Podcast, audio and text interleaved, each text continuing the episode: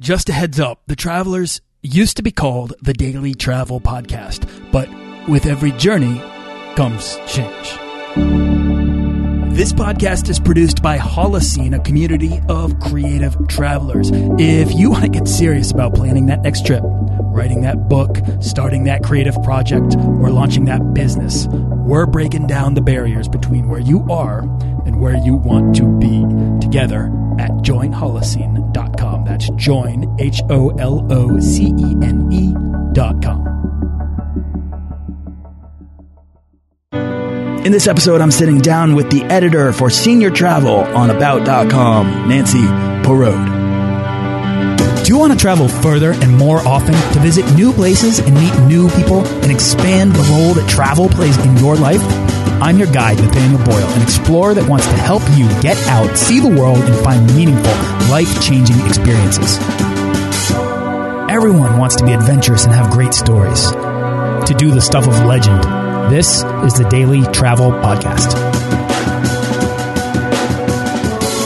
Each week, we send out a newsletter with three deals, resources, or guides to help you take the steps towards building a life of travel, whatever that means to you.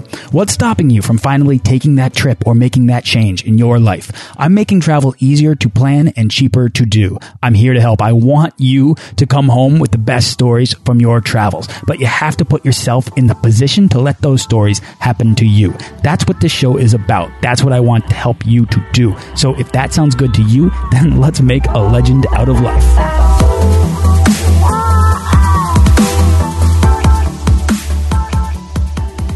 Okay, Nancy Parode is a military spouse living in Maryland who spent her life traveling and living abroad in two European countries with her husband who is in the Navy. Uh, she covers senior and baby boomer travel for About.com and is a travel writer as an occupation.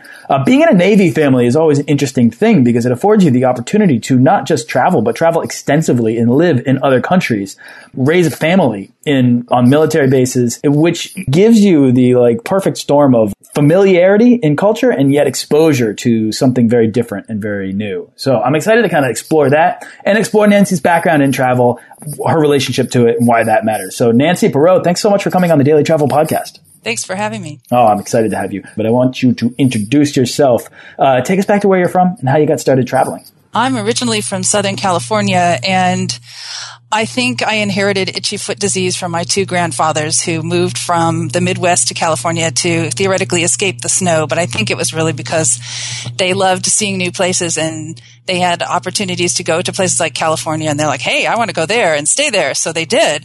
Um, and I remember when I was a little girl in third grade reading class, finally discovering that there were kids in other places. And I was like, totally in love with that idea that I could meet them and hear what they did and play their games and just find out what they were like. And that has never left me. I badgered my parents when I was in high school until they let me be an exchange student. So I spent a great semester in Ireland. It took a long time to convince them that this was something that I really, really wanted to do and that they really, really needed to pay for it. So, um, but it was a great experience. It for anybody who's young listening, if you can be an exchange student in high school or college, do it because you will find that you change and grow literally every second. Something different happens. It was definitely a transforming experience in my life and really prepared me in some great ways for marrying the Navy, which I didn't know then I was going to do. So I was, when I had the chance to move overseas with my then husband, well, he's still my husband, but way back when, I was mentally ready for what the change was going to be like because I'd already done it. Let me ask you about that while we're while we're right on the topic. Like, uh, what was it about that trip, that stay, that experience that was so transformative for you? Who were you when you got there, and then what did you take home?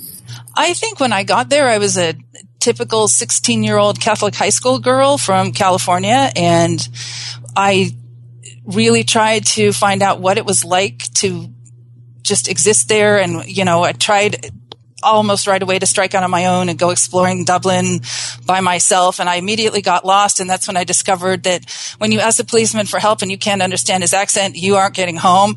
Um, and then I got to, I went to a phone booth. This is way back when. So there were still phone booths to try and call my host family. And I didn't know how to work the phone booth either. But they have had, fortunately for me, hosted exchange students before, apparently some who couldn't use phone booths. And so my host mother was actually yelling instructions through the phone booth because she could hear me but I couldn't talk to her. And she's like, push button A, push button A, now drop the coin. And so she kind of yelled me through how to deal with the phone booth. And then I could talk to her and she could tell me where I was and how to get home because uh, the policeman was, I'm sure, very helpful, but I had no clue what he was saying. So things like that force you to confront the idea that everything that you think is familiar isn't familiar in another place, but it's not bad. It's just different. And I think you know, when we had the chance to raise our kids in different states and then fortunately for us for a couple of years in Italy, that's what I've tried to teach them is that the differences are out there, but none of them are bad. They're just different. And it's up to you to go out there and find them and, you know, make them part of your existence too. It's, it's, wonderful to travel and learn that. Oh, I think yeah, absolutely. I mean, to find the things that you that resonate with you in either a good or a bad way, and then to better understand exactly why those things do, why you like them or why you don't like them, helps inform you about yourself, and then uh, better prepares you to return home to make the decisions about life that I think that we all we all have to make at some point. It's just better if we have a, a wider perspective of the world, and I think travel obviously affords us the best opportunity to gain the widest of perspectives. I think you're right. And also to gain the perspective on how the world sees us, which is equally important. When I realized that it was not necessarily to my advantage to be perceived as an American all the time. That was a big shock. Uh, this, I was an exchange student during the presidency of Jimmy Carter and the American embassy in Dublin at the time was shaped in a cylinder shape. And so my teenage Irish friends all called it Billy's beer can. That was a little hard to live down. And, you know, kind of a surprise to think that people didn't see my beloved country exactly the way I saw it. But I decided I would just try to find out more about what people thought about the United States. And I stuck up for the United States in some interesting and subtle ways while I was in Ireland. But I also tried to understand the whys and wherefores of global perspectives on us. And I think that's one of the huge takeaways from my exchange experience that I would suggest that maybe other people might be able to gain as well. It's an interesting comment coming from someone who later would travel with the military. I have limited sort of exposure to areas in which bases are. I know that like uh, they, they, can be kind of um, their own bubbles in, in certain areas, but then in other areas they seem to be integrated for better or worse with the local culture. I, I remember when I was in Japan, I was in um, Sasebo, which is near Nagasaki. The Navy had a base there. I remember that I was backpacking through there and I had a friend who was teaching English in Sasebo. And I remember that the interaction that I had with the people there was very different. And, um, I think it was because a lot of people mistook me for a soldier. There was some degree of contentious relationship there. Well, and that varies from country to country. You know, the, we've been stationed in Italy twice, but we've also traveled around. Um, for example, Germany. We have friends who live there American friends and German friends. And so we visited them. Um, we've spent some time on military bases there, but we've also spent a lot of time just, you know, in the real Germany, living with our friends and doing things with them. Um, and it, every country's relationship with the United States and the U.S. military is different depending on cultures and histories and current events. And in Japan in particular, there have been some incidents that have been very, very unfortunate in terms of how the U.S. military people have behaved. Not so much on mainland Japan, but um, you've probably seen news references to Okinawa, and you know that spills over. And so there is some contentiousness sometimes, but it really depends on where you are, and also how you, the American, present yourself. If you want to learn about another country and try to speak the language and learn the customs and try the food and get out there and meet people, that goes a long way. When you got back from from studying abroad in Ireland, I just want to go back to that and um, and I want to get a sense of how how did you go about then making travel a bigger priority in your life, having had this transformative experience. Well, at first it was hard because I was still a student and didn't have a way to earn a bunch of money so that I could travel.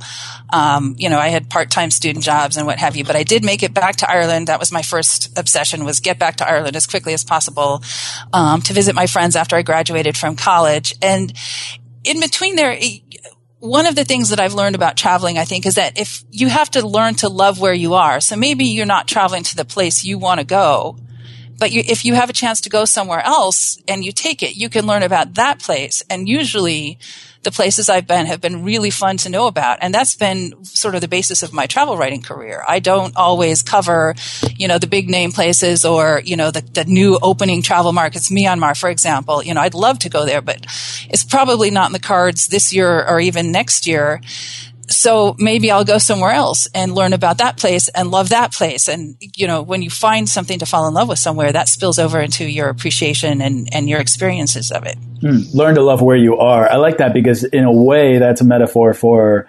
perhaps living in the moment, perhaps appreciating life in a better way. Has traveling to these places, having to like where you are, it's not like you have a choice, right? Well, if you're in the military, yeah. And I'm not the active duty person, so technically they can't make me go anywhere. But, you know, they're called orders, not requests.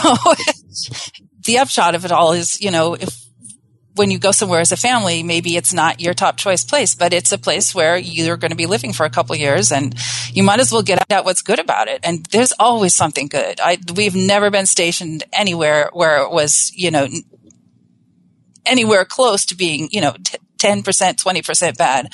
Most of the experiences we've had have been very, very positive. And the few that don't, they make really good stories later.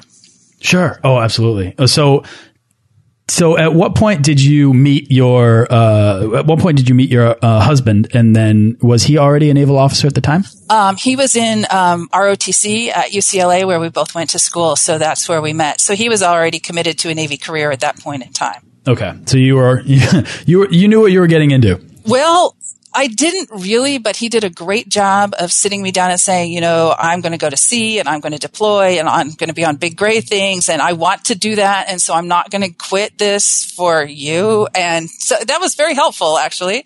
And, uh, so I did have a good idea of what I was committing myself to. But since I like to go new places, the moving around part, you know, that part never scared me at all. Okay. And then at what point then did you get an order to have to go and live somewhere overseas? Um, that was our first duty station, actually. um, we that we were in southern Italy for about three years. So this happened real quick. Yeah, it did. We lived in Brindisi on the heel of the boot in Puglia. Yep. There was a tiny Air Force base down there at the time. It's it's closed now, but that's where we were. Okay. And what was life like there then? Well, it was a very interesting combination of trying to meet Italian people and learn about what it was like to do everything the local way, go to local markets and travel around and see things. And then a one mile square military base where a lot of the people who lived on base really never left. Interesting. And okay. you were talking about the bubble, and that's the one place we've been stationed where there was a bubble and and I wrote a travel column for the Navy Family Newsletter at the time, and people would stop me on the base. You're the person who writes the travel column. It was about budget travel because we had no money, so I called it Cheap Thrills, and people would stop me, people I didn't know, and ask, "How did you find out how to climb Mount Vesuvius?" And I would say, "Well, I got this guidebook, and it told me how." And I was kind simple. of surprised. So these you know, people really needed to get out let's more. Let's go Italy. Every recent graduate's guide to you know getting around at that point in time, and it, I was really surprised. So I turned my travel column into a how-to thing: how to read the train schedule, how to drive to Mount Vesuvius, how to learn to love the place that you're at. Right? Yeah, I mean, you know how to take the train to Bari, which was the next city up the major city up the coast. Mm. What could you do when you got there? How much did it cost? You know, how do you think that the, your experience there in that less traveled part was it your curiosity? Was it just taking a curious mindset to life and to your daily uh, activities that allowed you to sort of learn to love where you were? Well, sure. You know, I wanted to get out and meet the kids. You know, I was still trying to do that. I'm still trying to do that. You just have to uh, be open to the fact that there's something to see everywhere. And it might not be, you know, some famous thing like the Eiffel Tower it might be just a, you know, a truly house, or it might be a beautiful beach that nobody else has ever heard of. Or it might be a local restaurant where you go and you pay 10 bucks you know is a long time ago now uh, but you for $10 we could eat for like three hours. They just kept bringing food and bringing food and bringing food and bringing food. Um, you know i never saw that restaurant in a guidebook anywhere. Never have. I, it's closed now so i know i never will. But we found more places like that and it's really fun. Almost more fun than seeing the same stuff everyone else has seen. And these are the experiences that you find that you had not just because you were actually going out and finding them, but because you were living there. Well, yeah, and some things you stumble across and some things you go, hey, this is in my guidebook. Or we had a long weekend one weekend and we decided we wanted to take a train trip. And so we got a map and we drew a circle with a compass, you know, for the three hours of train distance that we could go and still have a nice time on the weekend. And we wound up in the town of Sulmona up in the mountains and it was a very freezing cold weekend because it was January and we were in the mountains and there was snow and everything. But we had a fabulous time. Um, the locals were so nice to us. I'm sure we were the only non-Italians in town that weekend because it just wasn't their tourist season at all. Um, but I, I will never forget that weekend because we wound up eating in someone's house because they owned a restaurant and we were trying to find food and the restaurant was closed. They're like, come eat in our kitchen. Those are the things that when you look back, you're like, that's more special than the biggest gourmet meal you could have at a three star Michelin restaurant. Right. Because you got to do it and it was unique and special and people did it just because they were nice. Do these places that you stay, do they begin to feel like a home to you? Are they difficult to leave or are you ready for a change by the oh, time you have your next order? You leave a part of yourself everywhere you live, or at least I do. Um, all those places are home and all those places aren't home because there's always some place we're going to have to go to next. It's going to be really weird when my husband finally retires and we'll have to actually choose a place to like settle down. That's going to feel really strange. And a lot of my Navy friends tell me that they feel the same way. You know, they have to finally choose where they're going to go. It's a momentous decision because it, it's all your fault if you don't like it when you get there. Um, but I think the important part about military life and travel is that the travel part shows you that there's so much to see that you could, you could travel every day for the rest of your life. You'd never run out you'd never stop meeting interesting people with amazing stories to tell. It's just a never ending thing. You just have to be open to the fact that you can do that in your backyard or you can do it halfway around the world or it doesn't have to be far away or expensive. You just have to be ready to see what the opportunities are and I guess walk toward them is a good way to put it. Yeah, that's it. I mean, I speak a lot on the show about how the authentic world is infinite because it's uh, the word authentic is, is, kind of a loaded term, but the authentic experience is your own personal experience, and you can always have a new or different experience in uh, any place that you go to over and over again, uh, as long as you're just taking the right curious mindset to them. And I think that travel helps us kind of practice exercising that mentality. Where else were you stationed in Europe? Those are the only places we've lived in Europe. We have traveled extensively in Western Europe, not as much in Eastern Europe as I would like. I had the chance to go to the Soviet Union for a week on a tour when it was the Soviet Union. That was an amazing experience because it was so, um, so much like what I expected it to be and so amazing to see the Hermitage Museum and some places that I really, really wanted to visit and never thought I would. Yeah. And it was so nice to go back to Italy when I was on my way home. It was really nice to get back to a place where I could say whatever popped into my head and walk around without being followed and things like that. But that was definitely another transformative experience because the Russian people we met, even though I could only speak like 10 words of Russian, they were so nice and so friendly and they tried to help us when we got lost and super nice. They let us take pictures of their kids. You know, it was great. Yeah, my experience in Russia was very similar. Uh, and the Hermitage Museum is gorgeous. Looking out onto the water there in St. Petersburg, yeah. it's just it's just gorgeous. Oh, I know. And it, we were lucky because we went in November and there was snow, so you could see the buildings the way they were designed to be seen. Ah, the Winter Palace. in the summer, yeah, yeah. What's your biggest takeaway then, as being somebody who's been a part of this life of traveling in the Navy? Has that been taking what you're saying, I'm wondering, do you feel like that's been restrictive or do you feel like that has been this amazing opportunity? Oh, I'd do it all again, all over again. But my takeaway is you get out of life what you put into it. I am not a particularly outgoing person. I'm a very introverted person. So it's hard for me to reach out to people I don't know and say, tell me your story. But I've learned how to do that that's the fun part of travel for me is uh, there's always someone who wants to tell a story. You know, how when you have a travel story and you come back from a trip and you can't wait to tell it and everybody's like, so how was your trip? And you go, oh, wait. And then they go, oh, and last Tuesday I went to McDonald's and they really don't want to hear your stories. So I figure I'm the listener and I can get people to tell me all kinds of travel stories and life stories if I have enough time with them. And I love that part. That's why this show exists, Nancy. And that's also why uh, the audience never hears this. But I tell all of my guests to share their travel stories if they come upon one. And the reason is because for whatever reason, in regular conversation day to day, not everybody wants to hear your travel stories. That's even though true. even though those are always the best stories. So it's very funny, but I always encourage that, and that's why I love this show because it allows me the opportunity to connect with people like you who have fallen into these lives of travel. One last question for you. One last thing I want to just touch on is traveling with kids at a very young age must have been part of the equation, something that you had to figure out pretty quickly both of my children were under six months old the first time they flew on airplanes.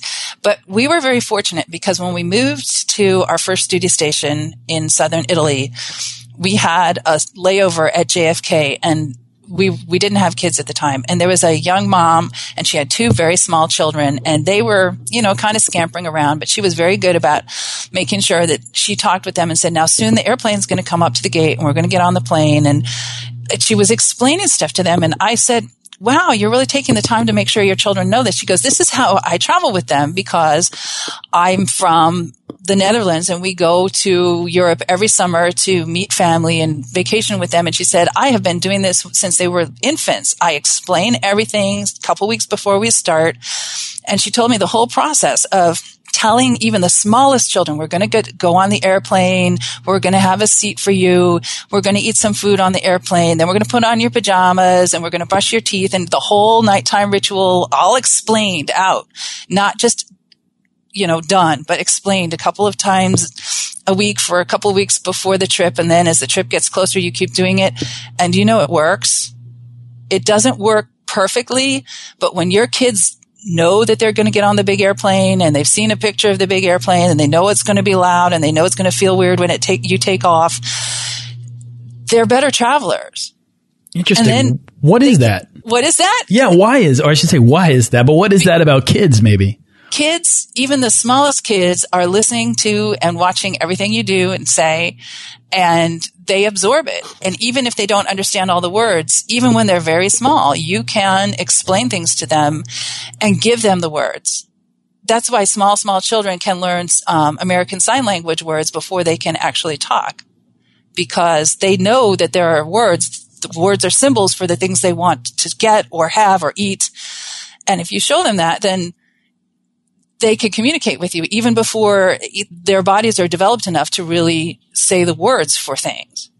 And I think this travel trick is part of that. And it certainly worked for that young mom. I watched it happen on that flight and I never forgot it. And so when my kids were born quite a few years later, I remembered it and I tried it and it works. and then the only problem you have is jet lag. Did you find that traveling with kids was uh, impeded your travel style at all, or actually made travel better for you? Um, I think in the end it made travel better. Um, not because I got to see everything I wanted to see the way I wanted to see it when I had, you know, one young son and one daughter in a stroller, but because it forces you to do things the way the locals do. Your kids need to run around and play. You find a park. Guess who's in the park? Not tourists people with kids and I learned to bring along an inflatable beach ball and a towel in my bag and we'd blow up the ball and my kids would run around and kick it. Um, and if you have a ball and kids, you get more kids pretty quickly. And before you know it, your children are playing with kids. And we've done this in France. We've done it in Italy. Um, it's just a different way to connect with people in the places you're visiting and maybe find out a little bit about what it's like to live there and not be them, but at least be with them. I love that. All right. So, I mean, a big key takeaway to that and what so many other guests have to say is that a lot of the excuses that I think that we see as obstacles to travel are actually things that can present an opportunity to have a more immersive experience. So limited budget or kids or pets. I mean, these things can give you, uh, traveling, traveling within the, the sort of restrictions of these things can give you a nuanced experience, a nuanced travel experience. Um, and that's what I'm picking up from what you're saying about traveling with kids. Oh, absolutely. And if you wait around for the perfect time for the perfect trip, it may never come. And so you might as well get out there and you know, seize the opportunities that you have, even if they aren't very far from home, or even if you have to bring your kids along, or even if you have to travel in the off season to save money, you know, bring an umbrella and an extra pair of shoes in case your shoes get wet. And, you know, you might discover that it's fun to be out in the rain and splash around. You, you never know what you're going to find, but if you don't get out there and try it, you'll definitely never know. I, my kids are good travelers now. I think they're pretty good world citizens, and it's because we've always taken them with us. I love that. All right, Nancy, we've got to wrap up here, but I want to make sure is there anything else that you'd like to share about travel, you know, or life before we do? Oh gosh, I think if there's anything that I've learned as a traveler and a military spouse, it's that if you have a choice between laugh or cry, pick laugh. It's a lot more fun. So simple. What's exciting you the most right now? Where's your next trip or what's your next project? Well, my real next trip is to some dance events. My daughter is an Irish step dancer, and so we do a lot of traveling for that. And some of that travel is local, but some of it's out of state. So we have a couple of things lined up for that. Um, I'm looking forward to exploring a bit of the Midwest next spring. Um, I've been invited to go to Sioux Falls, South Dakota, and that's a place I've never been. And I'm trying very hard to see all 50 states and all of the provinces of Canada. So, and making good headway. And so South Dakota is a place I have not been before, but the nice folks in Sioux Falls have invited me to come out there, and I'm definitely looking forward to that. How many other states have you been to? Um, I have 12 to go. 12 to go. All right. Yeah, so you'll be down to 11. That's exciting.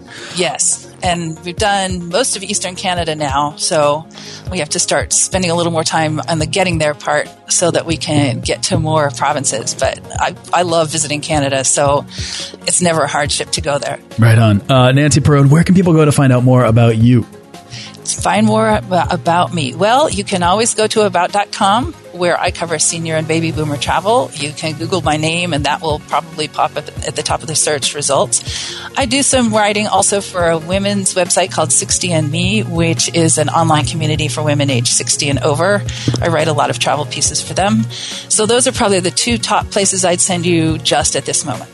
Nancy, thank you so much for coming on the show, sharing your story and your background in not just not just travel, but the whole the whole naval thing. It's not something I've explored on here yet, so um, I was really excited to have you on to just kind of uh, tap your mind and, and explore that world because it, it it does fascinate me. Well, thanks for having me. It's been great. Thanks for listening to this episode of the Daily Travel Podcast. For show notes and links to everything in this episode and more, head on over to dailytravelpodcast.com. Join our Facebook page of explorers and subscribe to our newsletter for the best deals and resources to help make your next trip life changing.